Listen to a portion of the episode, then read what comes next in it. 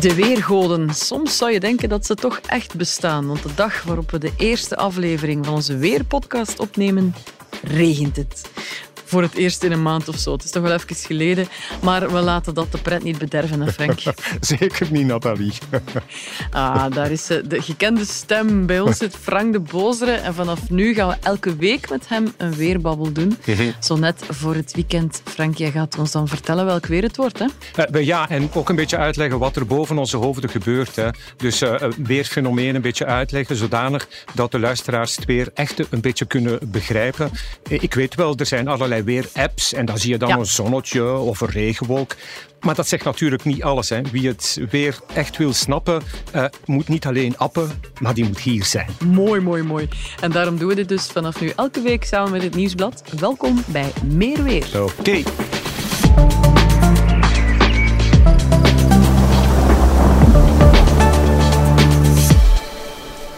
Dus Frank, we starten en we gaan dat altijd op deze manier doen met deze vraag. Wat zie jij door je raam? Wel, ik, ik, kijk dus naar de wolken hè, en ik zie af en toe zelfs een paar uh, regendruppels. Uh, overigens, Nathalie, die regendruppels die zijn welkom, want uh, ja, het is ja. zowat de, de, eerste regen van, van een kurkdroge maand tot nu toe. Ik zie op mijn thermometer een 17 graden. Dus wow, in feite valt dat qua temperatuur valt dat nog mee. Ja. Voor morgen gaan we eventjes richting 24 graden. Dus ja, profiteer ervan, want vrijdag is de laatste echt warme dag. Er zal vrijdag wel vrij veel bewolking hangen met een buitje. En ja, dan is er nog een strakke zuidwestenwind. Ik denk meeste zon zal uh, vrijdag voor Belgisch Loteringen en voor de Gomen zijn. En uh, vrijdagavond begint de, ja, de paraplu-toestand. Ai, en het klinkt alsof het weekend dan wat minder wordt. Wel, uh, het is vooral in de nacht van vrijdag op zaterdag. Hè, zijn er toch wel felle buien die van west naar oost over ons land trekken. En dan, dan krijgen we zaterdag droog weer met vanuit het westen een aantal brede opklaringen. Maar het is een andere luchtsoort, Nathalie. En dus dat gaan we mhm. merken. Hè. We komen zaterdag niet veel hoger dan 13 graden komt daar nog eens noordwestenwind bij. Uh, dus ja, het, het, is echt wel uh, frisjes. We, we, zijn het duidelijk niet meer gewoon. Dat wordt wennen. Ja, zeker. Uh, zondag zijn er dan ook wel opklaringen. Hier en daar misschien een bui. Maar dan zou het kwik niet veel hoger komen dan 11 of 12 graden. En daarmee zitten we dan echt wel met te fris weer voor de tijd van het jaar. We, komen van veel te warm, maar dan wordt het te fris. En blijft dat heel de week zo? Wel, goh, het zal waarschijnlijk wel fris blijven. Hè. Dus dat zijn dan maxima 12 tot 14 graden. Het, het gemiddelde voor deze tijd van het jaar is zo'n 16 graden. En s'nachts ja, wordt het echt wel een beetje koud. Dat zijn dan minima 6 of 5 graden in Vlaanderen. Daar kan in de Kempen al eens een 3 graden bij zitten. Misschien zelfs wat grondvorst. Maar dus we krijgen eh, volgende week wel droog weer met brede opklaringen. Misschien dat in de Ardennen dat er in het tweede deel van de week een grotere kans is op een bui. Maar voor Vlaanderen uh, droog, maar fris volgende week.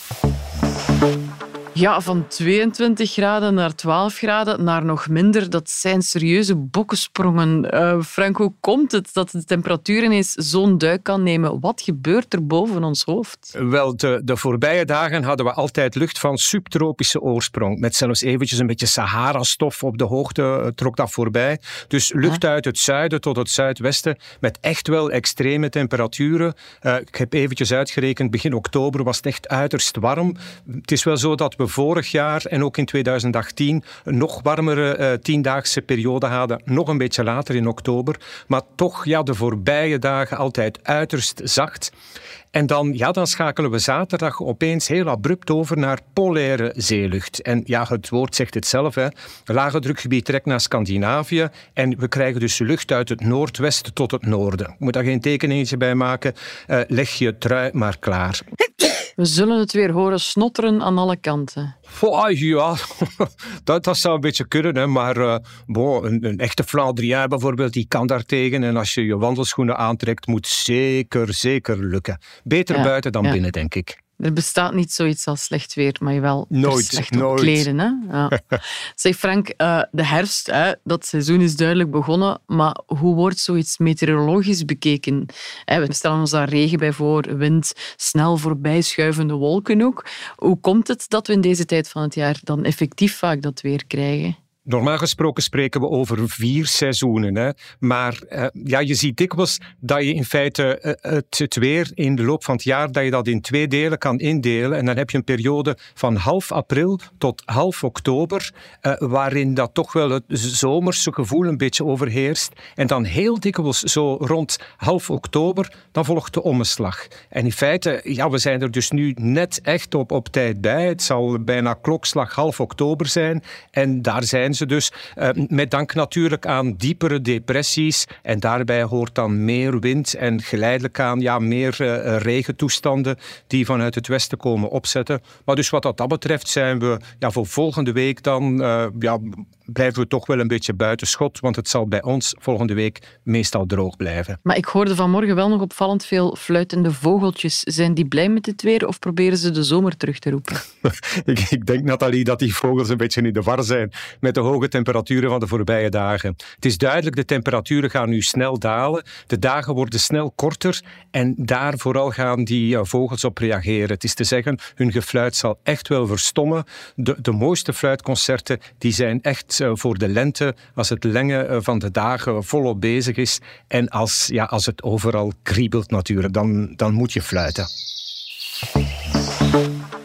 Ja, Frank, waar in de wereld moet ik wel of niet zijn bij ons? Wat is de beste plek om te fietsen? Trouwens, dat fietsen, dat is iets wat jou wel nog vlot lukt, maar andere dingen niet. Hè? Wat is er aan de hand? Ah ja, ja, ja, ja. ja dus ja, ik, ik heb een beetje problemen met mijn rug. En dat wil zeggen dat uh, ja, wandelen, dat gaat me nu echt wel minder goed af. Maar uh, vreemd genoeg en gelukkig misschien, uh, ja, het fietsen, dat lukt toch nog wel. Dus ja, volgende week denk ik wel dat er tochtjes van 10 of 20 of misschien wel 30 kilometer in zitten.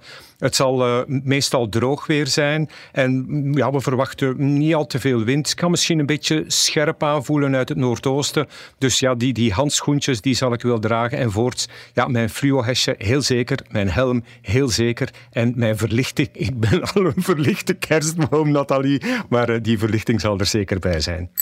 Ik hoor het heel graag. En stel dat we een warmer plekje willen opzoeken, waar in Europa is uh, ja, de ideale plaats voor een citytrip? Goh dat is een, uh, dat is een moeilijke. Hè? Want dus uh, Zuid-Europa die zit daar met die depressie de volgende dagen.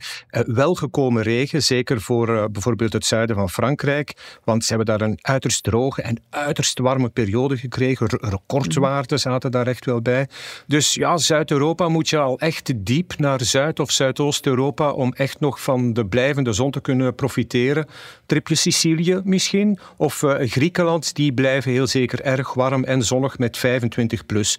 Maar ja, Canarische eilanden, dat is ook een beetje een zekerheid, zelfs een heel hete zekerheid. Maar uh, bijvoorbeeld het zuiden van Spanje gaat de volgende dagen toch ook wel een, een temperatuurdreun krijgen. Zelfs mensen die richting Sevilla gaan, die moeten dinsdag en woensdag rekening houden met regenbuien.